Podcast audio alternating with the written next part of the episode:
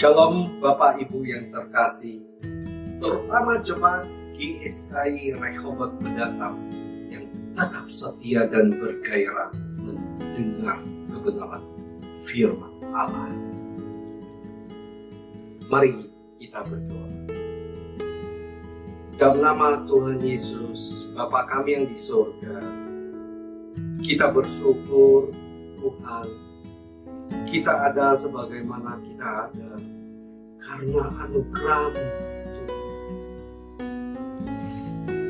Pagi ini kita masih diberi kesempatan untuk berkumpul bersama-sama dengan hadiratmu di tempat kita masing-masing. Bapa yang Maha Hadir, berkatilah kami agar kami semakin hari semakin dekat, semakin lekat, semakin menyatu dengan Engkau Tuhan. Jadilah kehendakmu dan penuhilah kita atas nafas kebenaran firman Allah. Dalam nama Tuhan Yesus kita berdoa. Amin.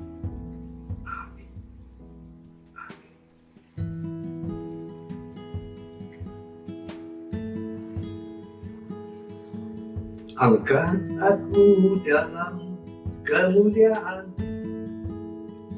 Terbang tinggi bagai Raja Wali. Berlari tiada lesu Berjalan tiada lelah. Semakin dekat lekat kepadamu. Tuhanku ku nanti nanti dengan kau Yesus kehidupanku. Hadirat tempat perteduhan kesukaanku.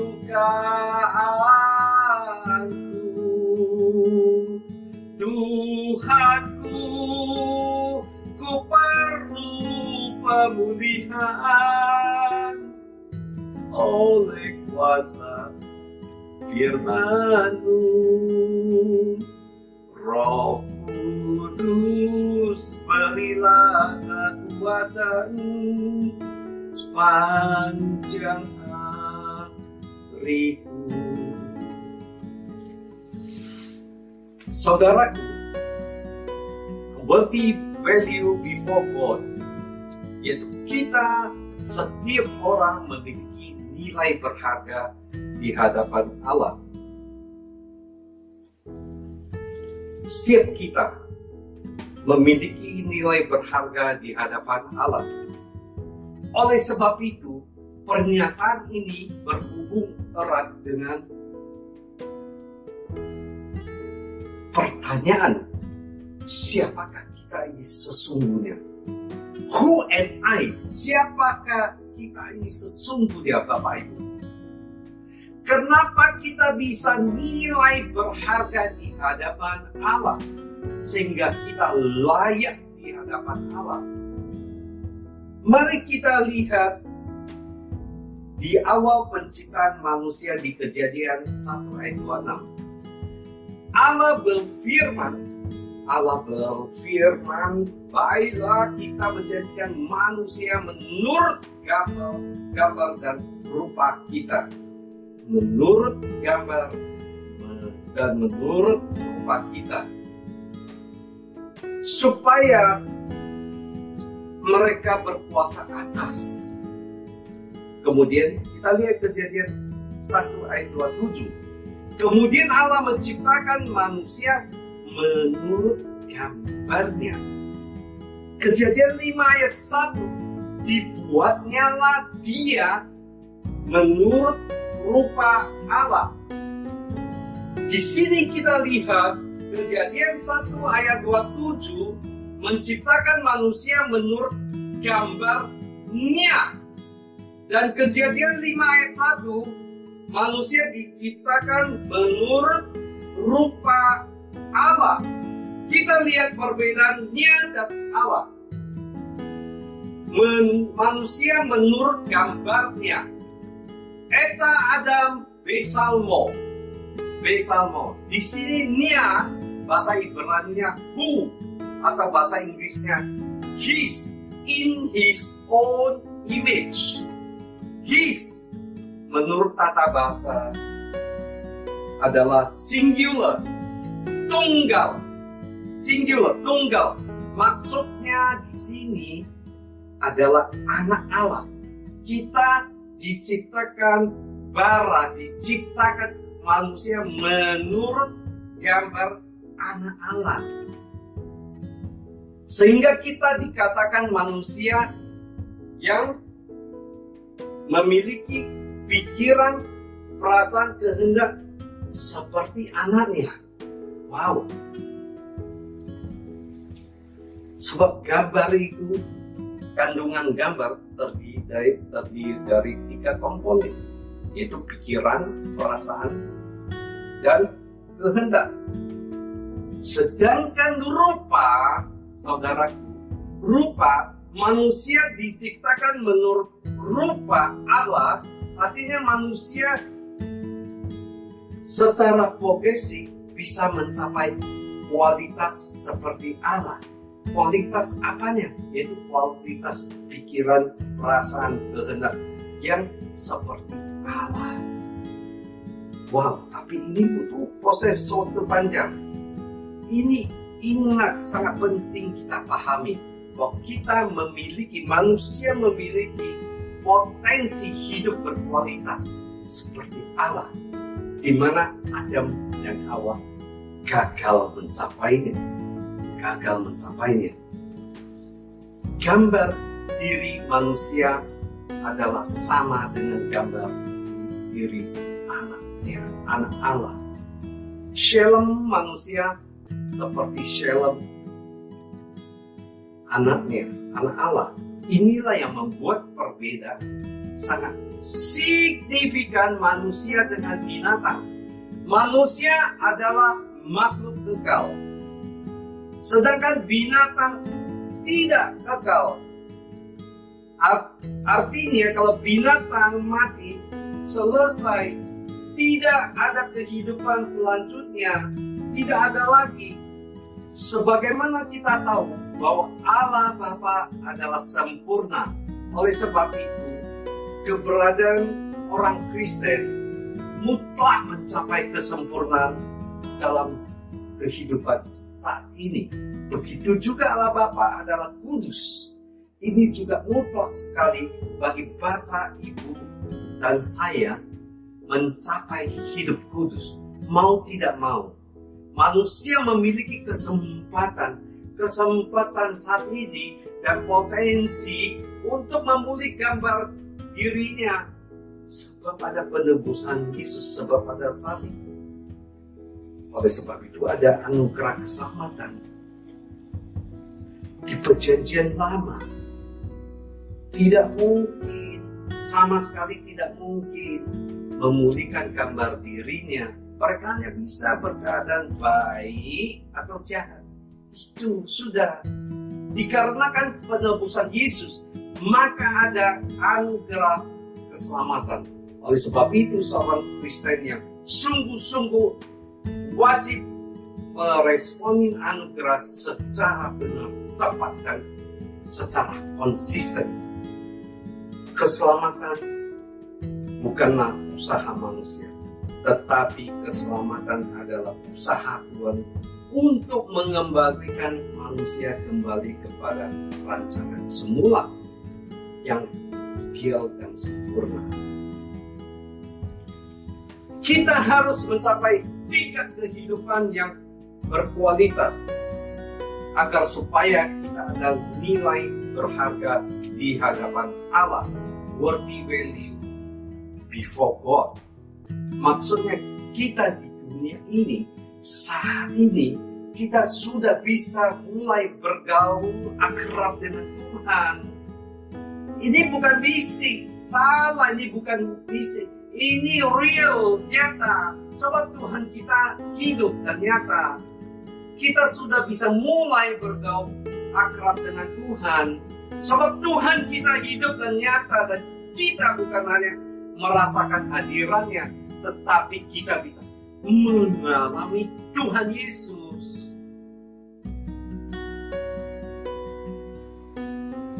Ilustrasi yang di samping yang saya buat, saya coba tuangkan dari apa yang tadi kita baca ayat satu ayat.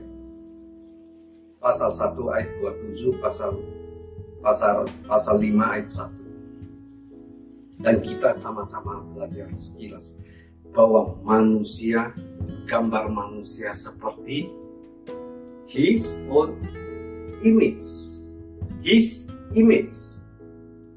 Dan rupa manusia seperti God's likeness image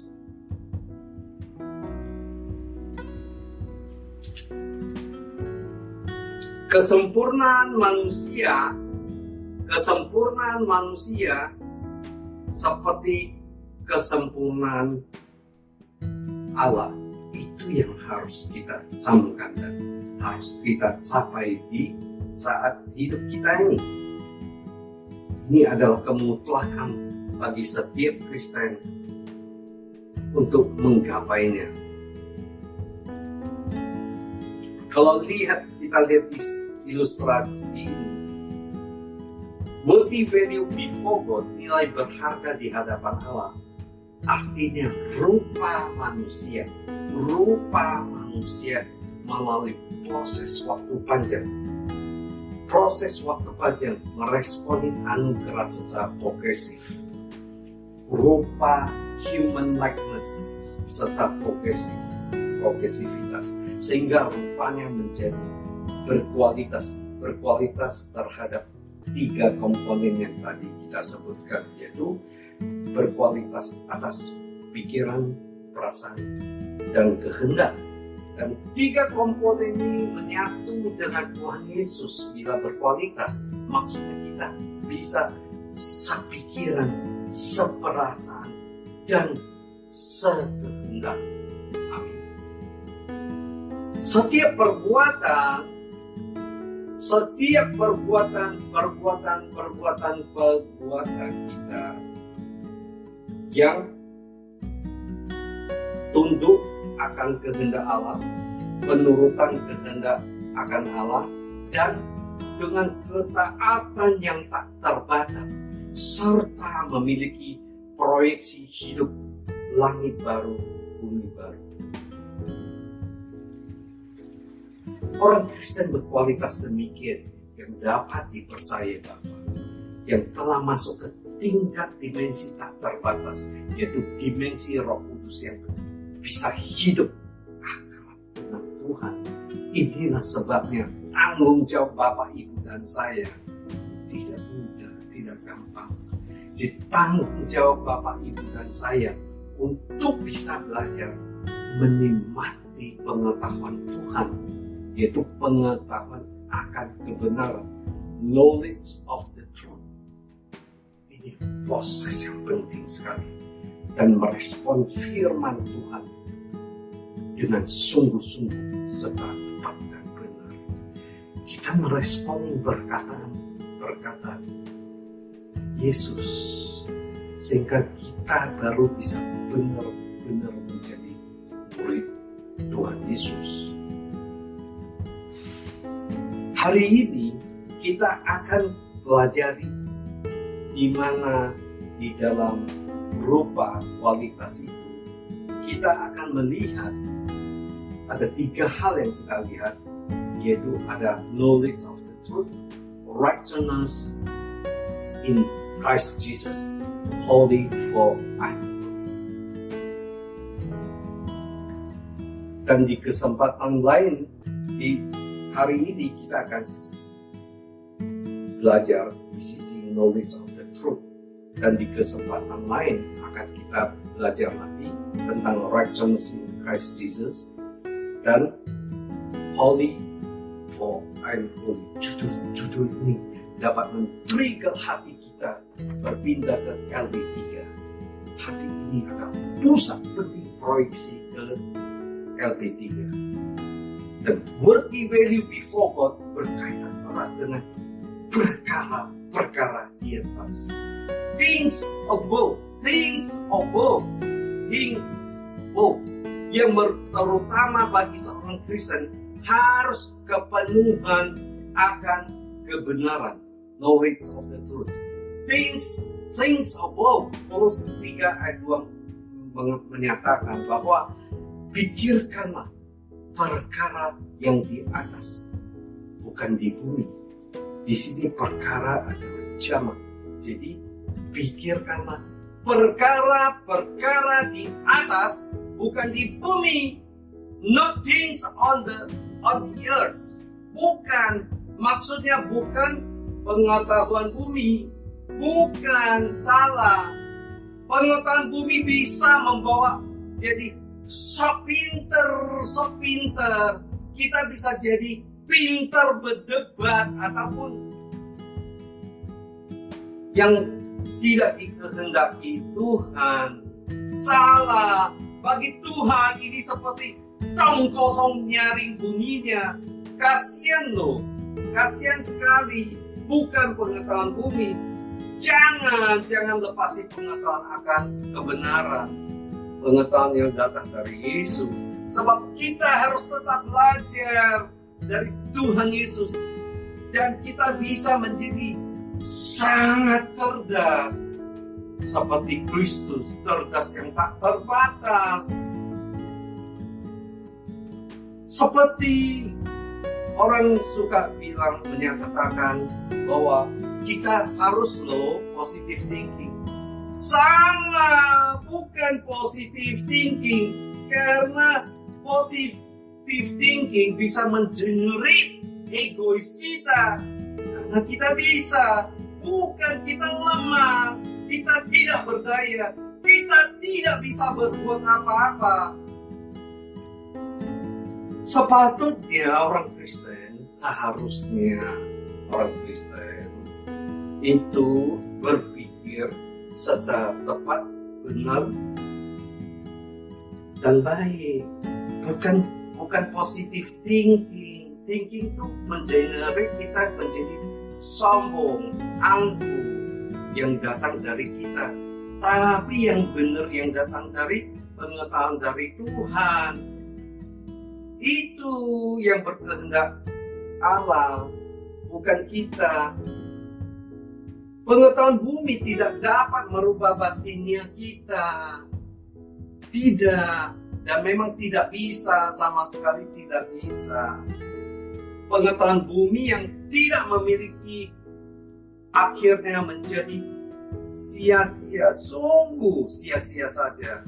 Pengetahuan bumi bagus untuk hidup ini. Kita sombong karena kita banyak pengetahuan. Kita menjadi petinggi-petinggi yang knowledge-nya dahsyat.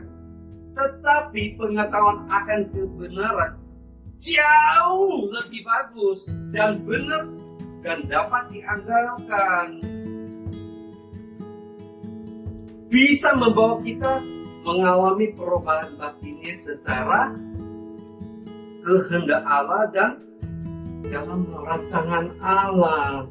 Itu yang mauin Bapak Jangan suka-suka kita lagi. Jangan. Kita nggak bisa, betul deh, kita nggak bisa. Kita lemah. Tuhan ingin kita miliki dia agar kita ini, Bapak, Ibu, dan saya bisa dimiliki oleh Tuhan. Dengan kasihnya Tuhan dan pengorbanannya agar supaya kita bisa memiliki nilai berharga di hadapan Allah worthy value before God. Kita bisa berdamai kembali dengan Bapa dan satu Bapak. Ibu yang tahu, ketahui bahwa kita betul-betul bisa bersekutu dengan Bapa. Amin. Itu luar biasanya orang Kristen. Orang Kristen nilai berharga di hadapan Allah adalah orang Kristen yang berkualitas, menunjukkan kesukses, sukses, keberhasilan dia mencapai perkara-perkara di atas. Things above, things above yang seperti dalam rancangan rancangan Allah.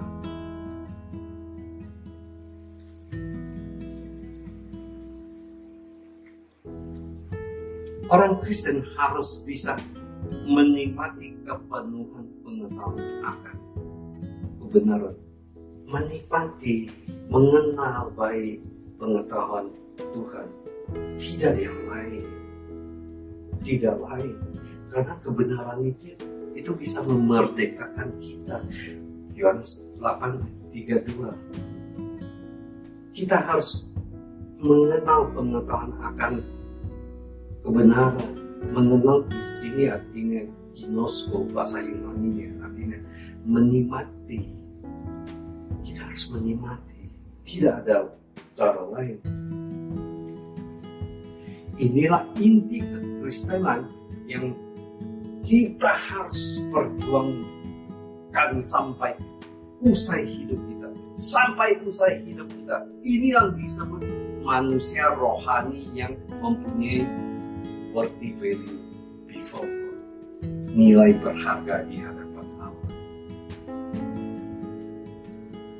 Manusia menjadi anggota keluarga kerajaan Allah. Orang-orang yang dipilih, orang-orang yang dikuduskan oleh Roh Kudus dan orang Kristen yang terlatih makin melimpah atas kasih karunia dan damai sejahtera. Satu Petrus satu ayat dua. Amin. Bapak Ibu, saudaraku yang terkasih, untuk mengingatkan kita waspadalah senantiasa. Ibrani 3 ayat 12 supaya di antara kamu jangan terdapat seorang yang hatinya jahat dan yang tidak percaya oleh karena ia murtad dari Allah yang hidup. Hati kita bisa gelap tanpa kebenaran yang dari datang dari Tuhan. Hati kita pasti gelap dan sampai-sampai kita bisa tidak paham akan kebenaran itu bahaya. Mari kita lihat hatinya yang jahat maksudnya apa. Hatinya yang jahat, hatinya yang sudah tidak bisa dibentuk kembali. Hidup orang demikian adalah hidup dalam berkeadaan terkutuk, terpisah dari Allah sudah.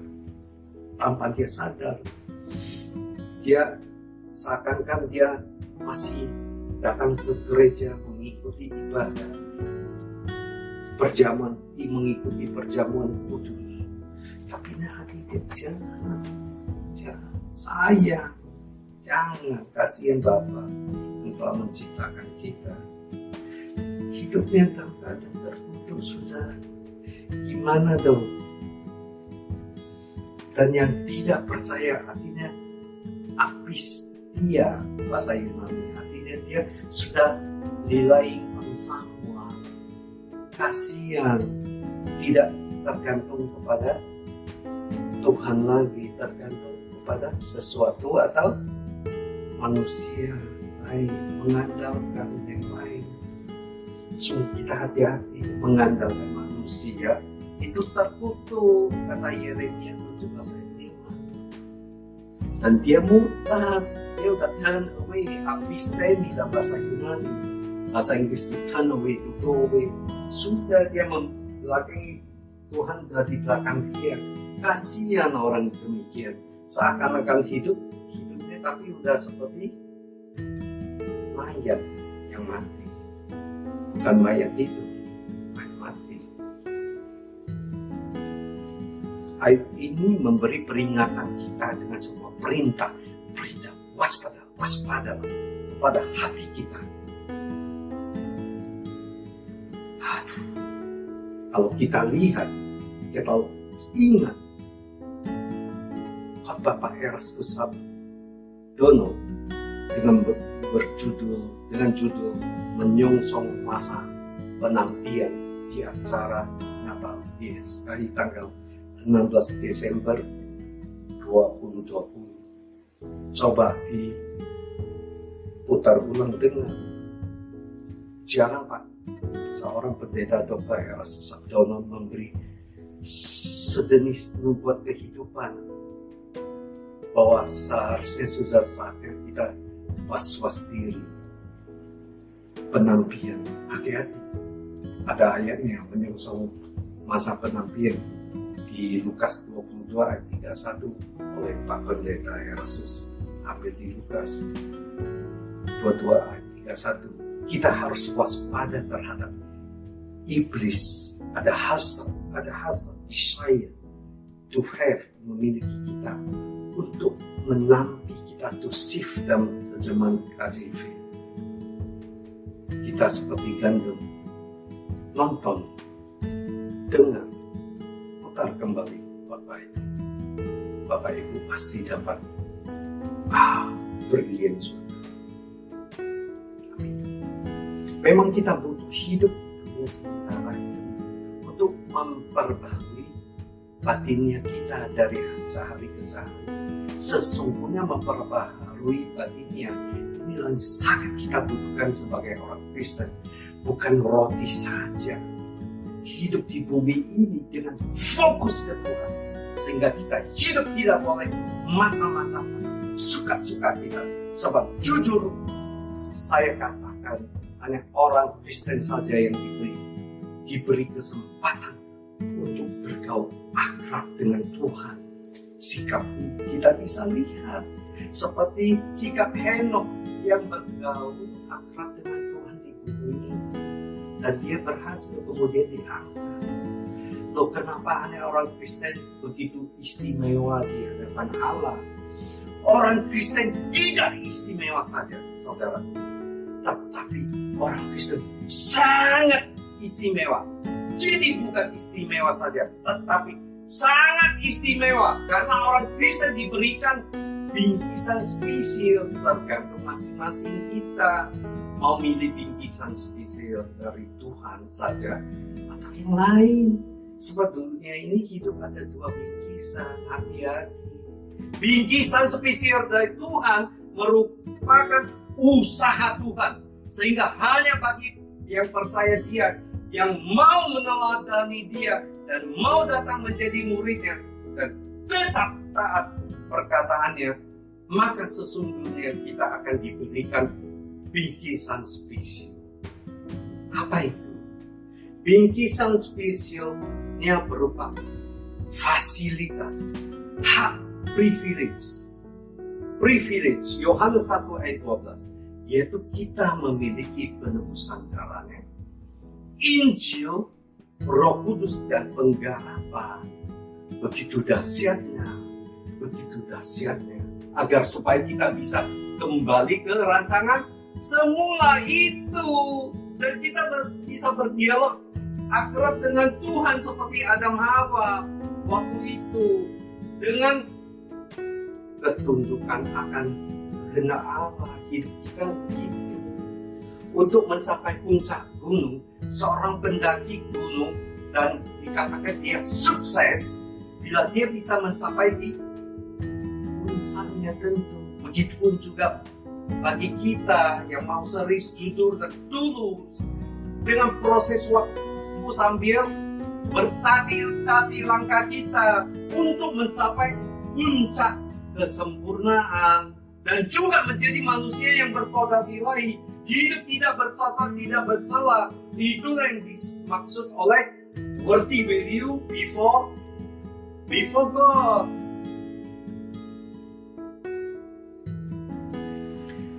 di jalan terjal berdebu tertati-tati langkahmu anak manusia pikul salibnya tak sepatah pun keluhmu walaupun nyeri luka Tuhanku Yesus juru selamatku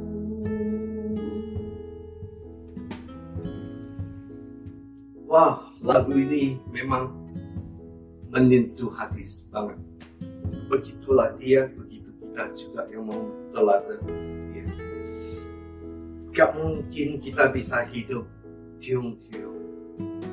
Gak mungkin, gak mungkin. Tetapi apa ada orang Kristen yang tanpa Tuhan? Ya pasti ada lah. Tetapi ini ciri cirinya orang Kristen yang sudah hatinya gelap, gelap, gelap, sudah gelap. Dia keadaan berkeadaan hidupnya sudah terpisah dari dari Allah tertutup. Kita lihat hati yang bagaimana. Amsal 4 ayat 23 menyatakan, jagalah hatimu dengan segala kewaspadaan. Karena dari situlah terpancar, wow, kehidupan hati kita bisa memancarkan cahaya yang terang. Jadi hati yang bagaimana? Roma 1 ayat 21 menyatakan bahwa sehingga hati kita yang bodoh menjadi gelap. Bodoh itu asudetos dalam bahasa Yunani lacking the ability to understand the meaning of of the truth. Jadi udah nggak bisa, orang udah buta akan kebenaran itu. Saudaraku, ini catatan penting bagi kita semua bahwa hidup kita hanyalah mengandalkan dan ketergantungan Allah saja, bukan kepada apa-apa dan kepada siapa pun juga.